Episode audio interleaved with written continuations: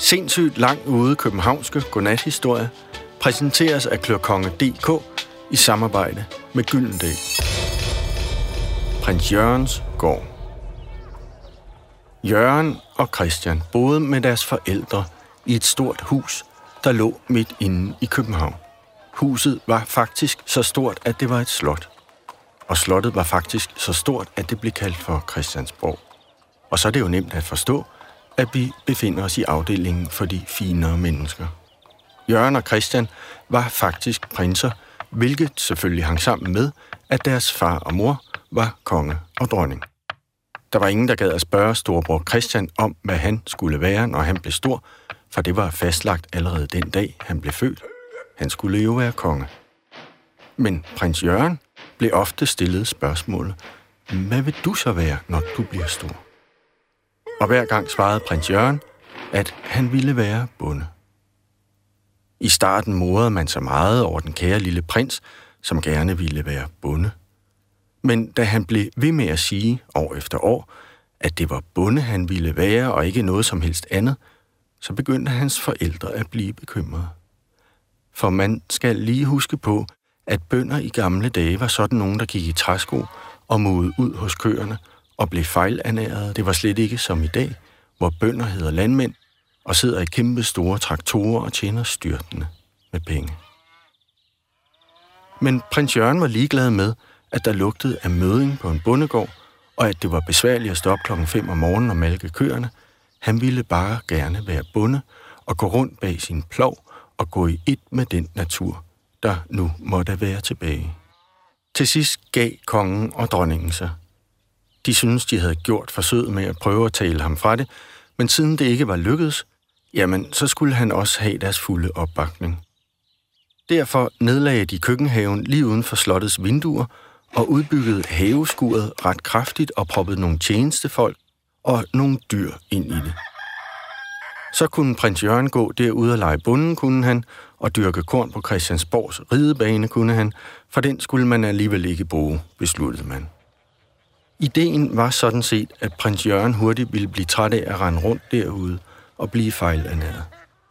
Men prins Jørgen var en beslutsom ung mand, og der gik ikke mange minutter efter, at han havde set sin tjenestefolk an, før han gennede dem ud på landet.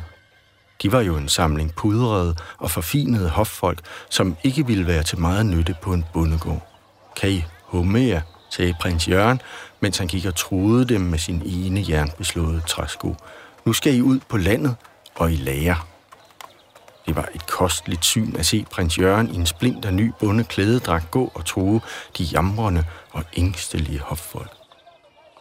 Nå der, råbte københavnerne til prins Jørgen, mens den mærkelige flok stilede mod Vesterport. Gav kreaturerne allerede til slagteren? Der fulgte to soldater fra livgarden med, hvor prinsen gik og stod, for sådan havde det altid været. Og de to garder marcherede nu hen og troede de frække københavnere og sagde, at de skulle tale ordentligt til prinsen og hoffets folk, for ellers kunne de risikere at blive kildet med bjørneskinshugen, og hvis det ikke hjalp, komme durk i fangekælderen. Prins Jørgen skyndte sig at sende garderne tilbage til kongeslottet. Min far og mor har mere brug for livvagter, sagde prins Jørgen. For de er jo konge og dronning. Jeg er bare en simpel bonde. Undervejs hyrede prins Jørgen nogle unge staldknægte og malkepiger, som skulle sørge for dyrene på hans nye gård, mens han selv og hans folk var væk. Hvor længe skal vi være der? spurgte de unge mennesker. Lige så længe som det tager at omdanne en hofsno til en markarbejder, sagde prins Jørgen. De unge mennesker drog dagen til byen, mens prins Jørgen slog sig ned ude på landet i en kostal med sine fine hoffolk. Der var en del stønnen over al den beskidthed, de blev udsat for. Den brogede forsamling af parfumeduftende tjenestefolk var havnet ude i Rødovre. Og de gode Rødovrebønder fik en fornøjelig sommer. For de var vidner til, at lakajer og hofskrædder og påklædere, alle disse mænd og kvinder med fine hvide hænder og pudrede ansigter hen over årstiden blev til stelkæle, kogekoner og mælkepiger. Da der var gået tre måneder, var hofskrædderen i stand til at løfte en fyldt mælkejunge i en hånd. Og hvem skulle vel have troet det, da han kom? Og den lille tynde frøken Strømaj, der egentlig havde til opgave at lappe prinsens puder, og hvis familie havde været gennemsigtigt hvide generationer, udviklede en barm så fyldig, at der kunne ligge to nyfødte kalve oven på hvert af hendes bryster. Hun fik også en brunhed i huden, som havde hun pludselig fået spansk blod i årene. I hvert fald blev hun sværere at se igennem. Da man holdt afskedsfest med rødderebønderne på Damhuskroen, var det som en frøken Stramaj, der førte an i løjerne. Det udviklede sig snart til en forrygende slåskamp mellem bønderne, jo vist alle bønderne på den ene side, og Aaborgøfiskerne fra Damhussøen på den anden side. Det var en tradition i Rødovre, og er det stadigvæk. Dagen efter tog prins Jørgen og hans folk en hjertelig afsked med de brave rødovrebønder og trædede derefter Roskildevejen og ind mod København. Københavnerne vidste ikke, hvad de skulle sige, da den broede flok kom op over Valby Bakke.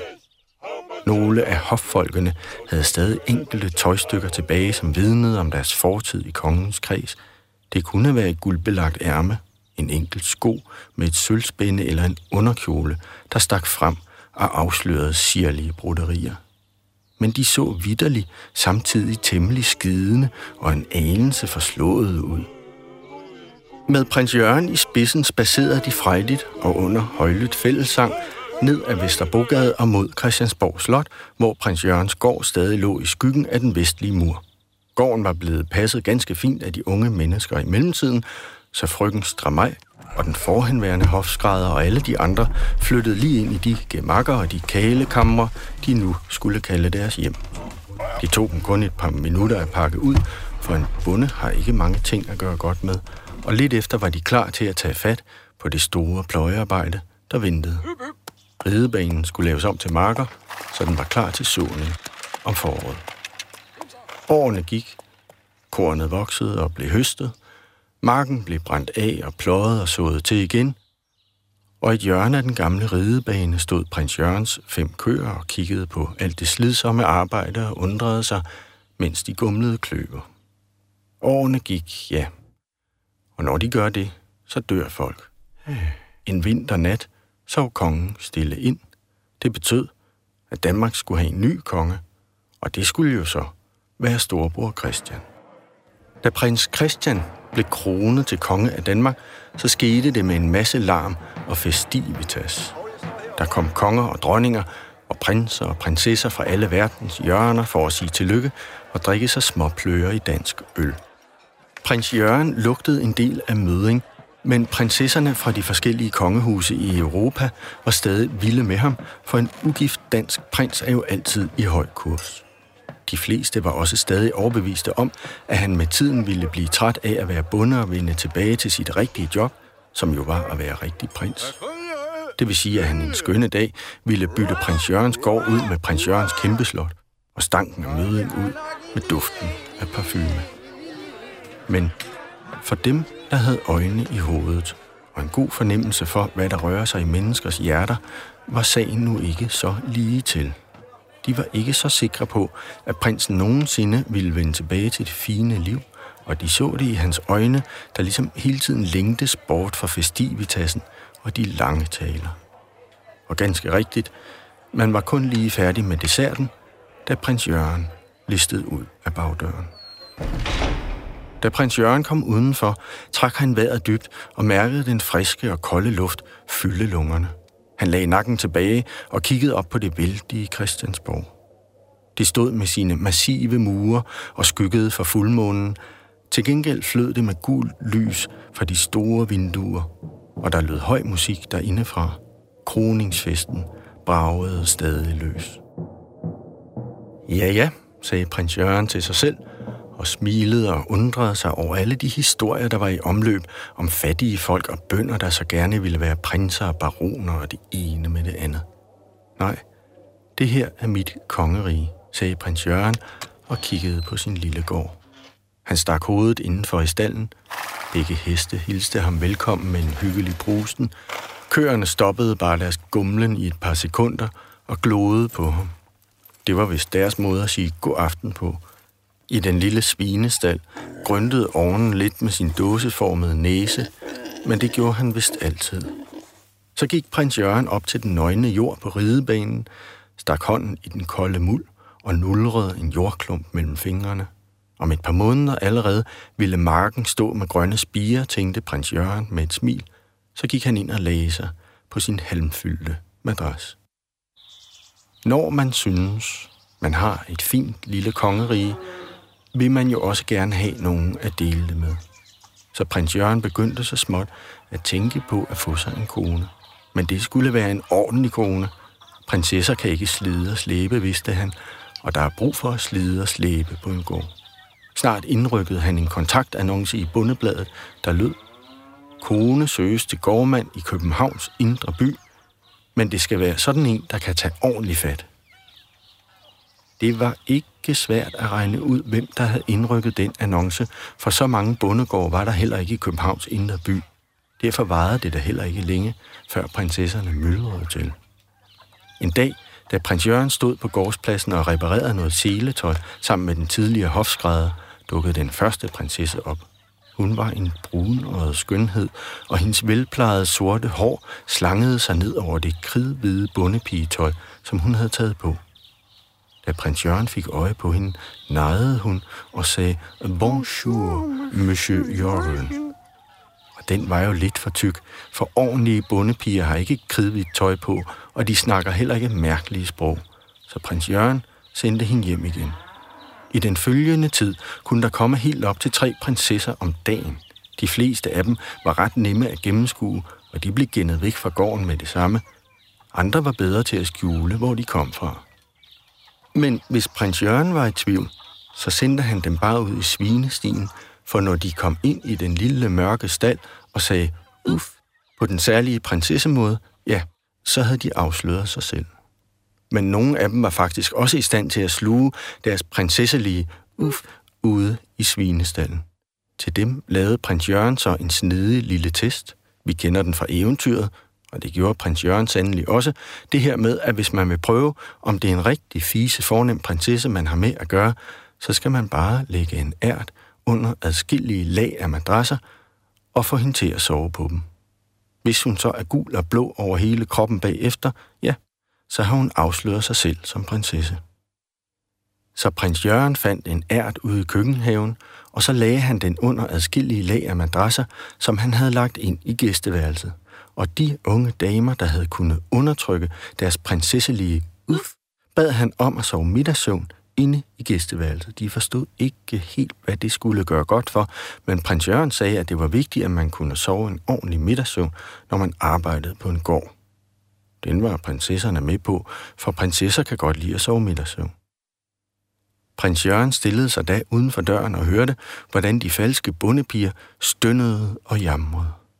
Ah, Uh, uh, uh, og således afslørede sig selv. Og så blev også de kyldet hjem med besked om ikke at gå rundt og lyve. Sådan gik det slag i slag, og de afslørede sig alle sammen som prinsesser før eller siden, og prins Jørgen følte sig snart såre ensom.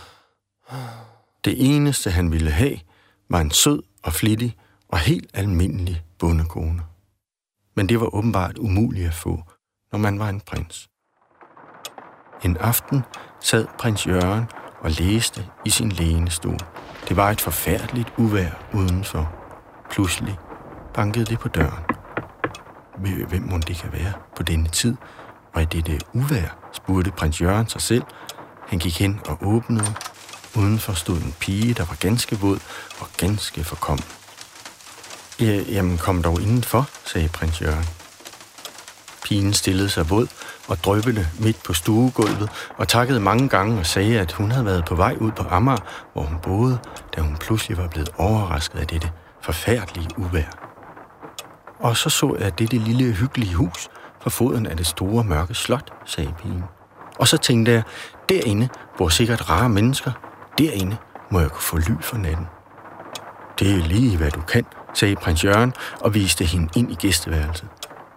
I sikke mange madrasser, udbrød pigen overrasket. Og så kravlede hun op ad stigen og lagde sig oven på den øverste. Om morgenen spurgte prins Jørgen, hvordan hun havde sovet. Jeg har sovet ganske fortræffeligt, sagde pigen, og jeg takker mange gange for husly, men nu må jeg vist hellere komme hjem til Amager. og hun smilede et smil, der fik prins Jørgen til at forstå, hvad de buttede kinder i hendes smukke ansigt skulle bruges til. Det var for, at smilehullerne havde noget at putte sig i. Prins Jørgen var jo en beslutsom mand, så han lagde sig nu på knæ for pigen og spurgte, vil du ikke være min kone? Det ville hun jo gerne, for prins Jørgen var en sød mand, sådan en, der tilbyder husly til folk, der er fanget i uvær for eksempel. Og så var han jo også samtidig sådan lækker i det. Så bondepigen smilede endnu mere, og så blev de gift en måned senere. Og siden hun var en rigtig vaskeægte bondetøs, så var hun ikke bange for at tage ordentligt fat. Men det allerbedste ved hende var nu, at hun samtidig også var god til at lege til fat. Så der blev både vinet og arbejdet på prins Jørgens gård, der lå og puttede sig i skyggen af Christiansborg. Ja, ja, i dag er prins Jørgens gård jo væk. Tidens tand gnævede til sidst det tidligere haveskur til frønnede brædder, men Christiansborg er af en anden støbning og står der jo stadigvæk. Kongefamilien er godt nok flyttet til Amalienborg, fordi toiletforholdene var bedre der, men den modige prins Jørgen, han er ikke glemt. Ja, han bliver det måske aldrig, for der findes en lille plads ved Christiansborgs vestre mur. Den er omkranset af Christianskirken og Torvaldsens Museum, Statsministeriet og selveste højesteret, nogle af landets fineste institutioner. Og denne plads, den hedder Prins Jørgens Gård.